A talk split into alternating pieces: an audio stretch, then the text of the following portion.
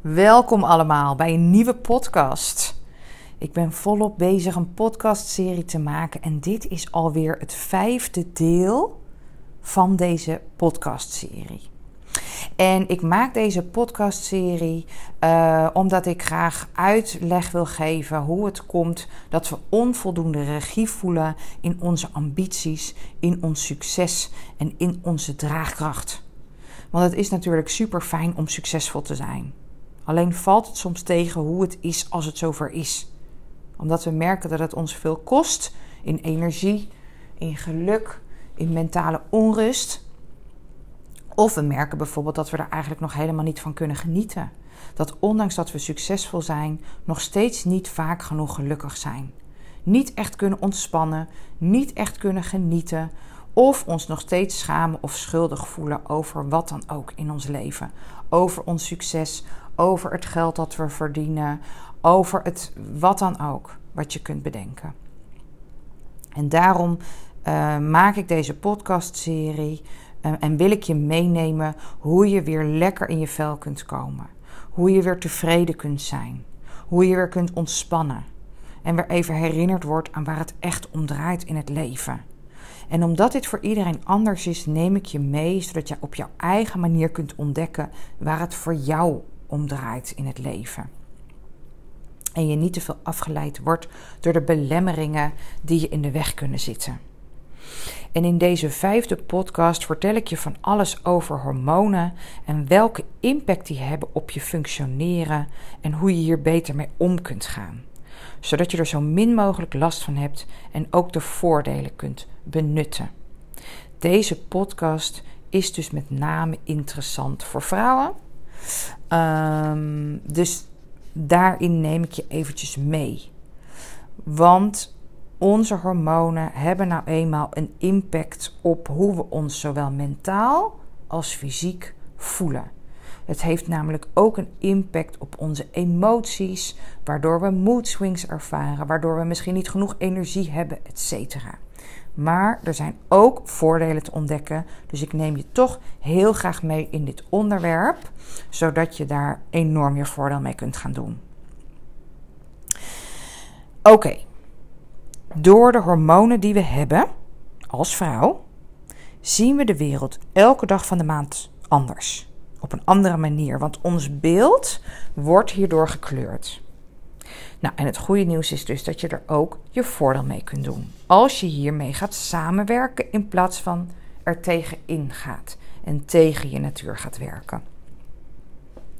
En ik neem je even mee in een korte uitleg van wat gebeurt er nou eigenlijk allemaal. Want gedurende je cyclus nemen hormonen toe en weer af in een soort golfbewegingen.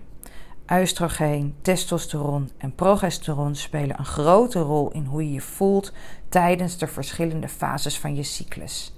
En ik neem je even mee in de vier fases om je ook mee te kunnen geven hoe je je voordeel ermee kunt doen.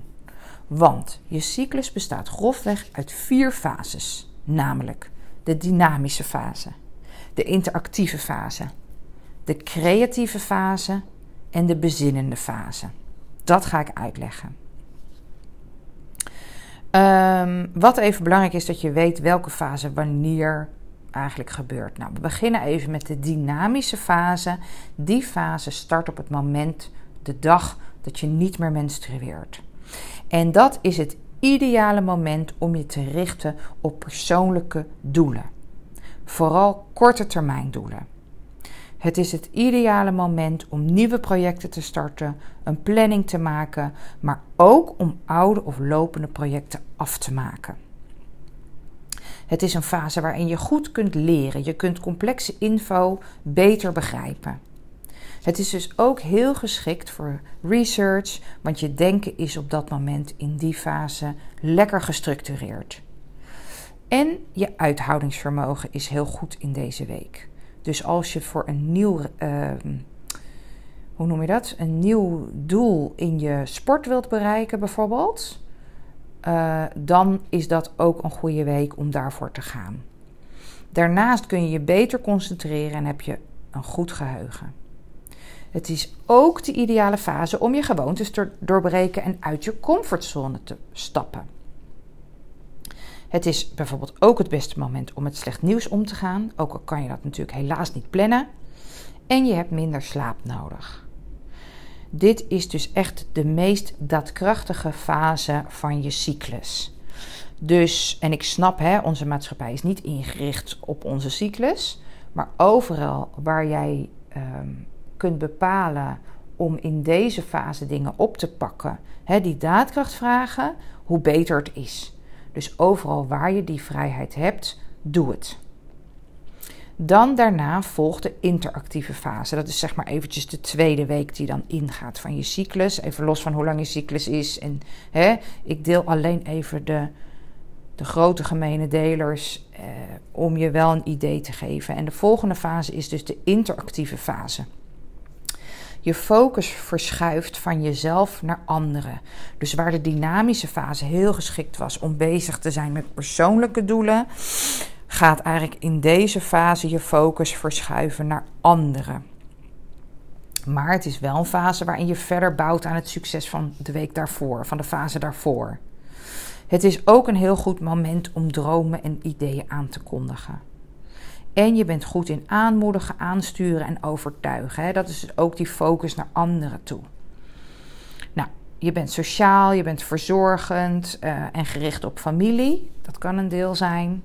Met daarnaast het aanmoedigen en aansturen. In deze fase ervaar je vaak meer plezier en dankbaarheid vergeleken met de andere fases. Het is ook het beste moment om te reflecteren op je succes meer zelfvertrouwen te voelen. Het is ook een perfect moment om te netwerken en relaties op te bouwen, omdat je die focus op anderen hebt. je bent super sociaal, outgoing, maar wel naar anderen toe. Het is dus echt ook de fase om met je team aan de slag te gaan als je een team hebt en die relaties verder op te bouwen of te verbeteren. Deze fase ben je minder gericht op het afmaken van dingen, dus reken jezelf daar niet te veel op af. En wees voorzichtig met het nemen van besluiten, want het kan dat je te veel vertrouwt op anderen. Dus als het kan, stel je besluit dan uit naar een andere fase als je die ruimte hebt. Dit is eigenlijk je meest vrouwelijke fase. Het is ook de fase die toebeweegt naar je ijsprong. Dus het is eigenlijk heel logisch. Het is ook de fase waarin we het meest aantrekkelijk zijn. Dat heeft de natuur gewoon supergoed geregeld. Want daardoor konden we ons voortplanten op dat moment. Want dat was het juiste moment. Nou, daarna, derde week zeg maar even van je cyclus, is de creatieve fase. En die kan pittig zijn. Hè, dit is de week voor je menstruatie.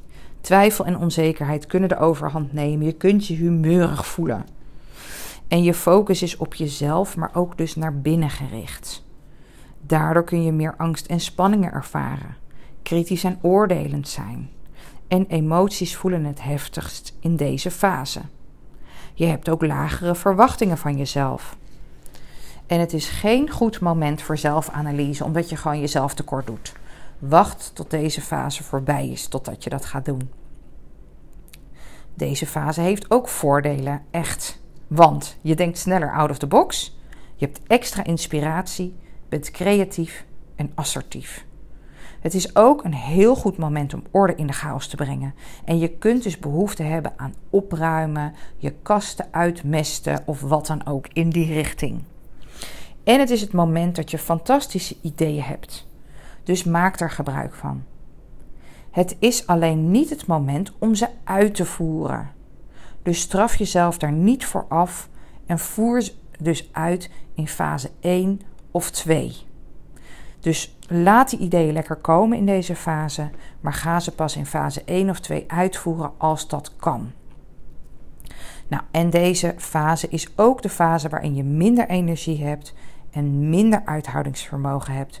Dus neem ook wat gas terug bij sport of fysieke beweging. Het is ook een fase waarin je goed bent in het beoordelen van risico's. dus dit kan meer een fase zijn om beslissingen te nemen en nog eens te heroverwegen, omdat je in de vorige fase daar te veel met een roze bril naar hebt gekeken. Nou, en richt je op de buitenwereld en blijf weg van innerlijke reflectie. Probeer niet te veel na te denken in deze fase.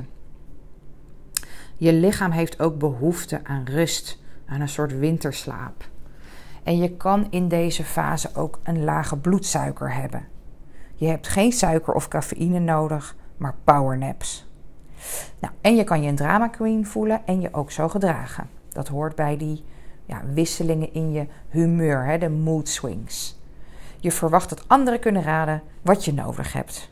Je kan overgevoelig voelen en ook zo reageren. En dat kan zorgen voor uitborstingen van boosheid en mood swings. Je wilt graag gelijk hebben. Nou, dus neem jezelf een beetje met een korreltje zout in deze fase.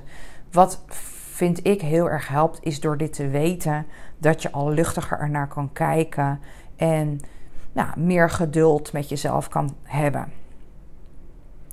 Ehm, we gaan naar de bezinnende fase, de laatste fase. De fase is, dit is eigenlijk je menstruatie. En in deze fase gaan je oestrogeen en progesteron allebei zakken, waardoor je in een emotionele achtbaan terecht kunt komen. De een heeft hier meer last van dan de ander. Denk aan huilen, eh, somber voelen, irritatie, mood swings, moeheid, pijn en verminderde concentratie kunnen allemaal voorbij komen in deze fase. Het enige dat je wilt is terugtrekken en onder een dekentje op de bank zitten. Maar voordat je de hoop verliest, probeer je te herinneren dat de volgende fase al bijna voor de deur staat. Die daadkrachtige fase. Maar die bezinnende fase is juist een hele mooie fase om erachter te komen wat je doel is. Wat je graag wilt bereiken. En wat goed bij je past. Je kunt nu namelijk diep reflecteren. Dus gebruik deze fase om erachter te komen wat je levensdoel is. Wat uh, misschien je missie uh, gefine-tuned kan worden. Um, en doe het gewoon rustig aan. Je bent extra intuïtief in deze fase. Je hebt meer slaap nodig. Nou, en je kunt je dus ook wazig voelen. Accepteer dat. Het is gewoon het moment om het rustig aan te doen en go with the flow. Maak verbinding met hetgeen wat het meest belangrijk is voor jou. Als je je afgesloten voelt van de wereld, is dat oké. Het gaat vanzelf weer voorbij. Nou, je kunt vergeven en vergeten. Je hebt echt zo'n natuurlijke meditatieve staat. En deze fase is dus vooral ook gericht op fysiek herstel. Je ego is in ruststand. Ehm, dus daar kun je gebruik van maken door ook die rust te pakken, want dat lukt je nu het makkelijkst. Je bent in deze fase eigenlijk het meest in het nu en niet in je hoofd. Je kunt dingen makkelijk accepteren. En het is een goed moment om te filosoferen. Dit soort dingen zijn gewoon super handig om te weten, omdat overal waar jij de ruimte hebt om het wat specifieker te richten op wat jou helpt, hoe beter het is. En natuurlijk, weet je, iedere vrouw ervaart de cyclus weer anders. Jouw persoonlijke cyclus heeft effect op je relaties, je werk, je resultaten, maar ook op je creativiteit, je emoties, hoe je communiceert, hoe je beslissingen neemt. Het heeft invloed op of je dingen juist wel of niet helder ziet, of je focus ligt op het grote plaatje of juist op de details, en of je juist veel of juist weinig resultaten behaalt. En ik hoop dat door het uitleggen van die fases dat duidelijker is hoe dat komt. En tijdens die verschillende fases merk je dus ook continu verschil in de perceptie van jezelf en je perceptie op anderen. Hoe je ergens op reageert. Of je optimistisch of pessimistisch bent. De hoeveelheid energie, je gevoeligheid, je compassie. Nou, dus nog even in het kort hoe je er zo goed mogelijk mee om kunt gaan. Als ik dat even samenvat. Is eigenlijk het eerste is Doe de juiste dingen op het juiste moment door zoveel mogelijk rekening te houden met je cyclus en de bijbehorende emoties, om het jezelf zo makkelijk mogelijk te maken. Probeer alsjeblieft niet consistent te zijn en je consistent te voelen door je cyclus en de impact van de hormonen die toe en afnemen gedurende die maand. Voel je gewoon continu anders. Kijk je continu anders naar de wereld. Dus het is helemaal niet realistisch om consistent te zijn als je een cyclus hebt. Dus maak het jezelf zo makkelijk mogelijk door zoveel mogelijk in lijn te leven met je natuur, oftewel met je cyclus. Wees lief voor jezelf. Doe je voordeel met alles wat bij de fase van je cyclus hoort en wat je in iedere fase ervaart. Omdat we als vrouw zo anders in elkaar zitten, is het heel logisch dat we anders zijn dan een man, dat we niet consistent zijn, dat we het ene moment super daadkrachtig zijn en het andere moment gewoon onder een dekentje willen zitten. Dat is precies de reden waarom we in die eerste twee fases geneigd zijn om heel veel sociale leuke afspraken te maken. Alleen op het moment dat we die sociale afspraken één of twee weken later plannen, komen we op een moment dat we er helemaal geen zin meer in hebben en onszelf voor onze kop slaan hoe het nou toch kan, want we hadden er zo'n zin in. Komt dus hierdoor. Nou, en zo zijn er legio voorbeelden te noemen hoe je dus ehm, ja, meer met je natuur mee kunt werken en dat je daar meer de vruchten van plukt dan als je er tegenin gaat. Dus dat is voor mij de voornaamste reden om je hierin mee te nemen. Dat je meer begrip krijgt voor jezelf. En waar mogelijk dus ook de vruchten plukt van de voordelen van iedere fase. Ehm, dit was voor mij even het belangrijkste om met je te delen. En als je hier vragen over hebt, schroom niet om contact met me op te nemen. Want ik beantwoord je vragen graag. Ik doe graag aanvullingen uh, die je hierin verder helpen. Uh, dit was het wel voor nu om je in mee te nemen. En in de volgende podcast vertel ik je de belangrijkste verschillen tussen het mannen- en het vrouwenbrein. En hoe je op een andere manier kunt werken om het zo aangenaam en gemakkelijk mogelijk voor jezelf te maken. Hoe je op de meest relaxte manier succesvol kunt zijn en blijven zonder uitgeput te raken. Dus ik kijk er naar uit om uh, de volgende podcast te gaan maken. En uh, voor nu wens ik je een hele fijne dag.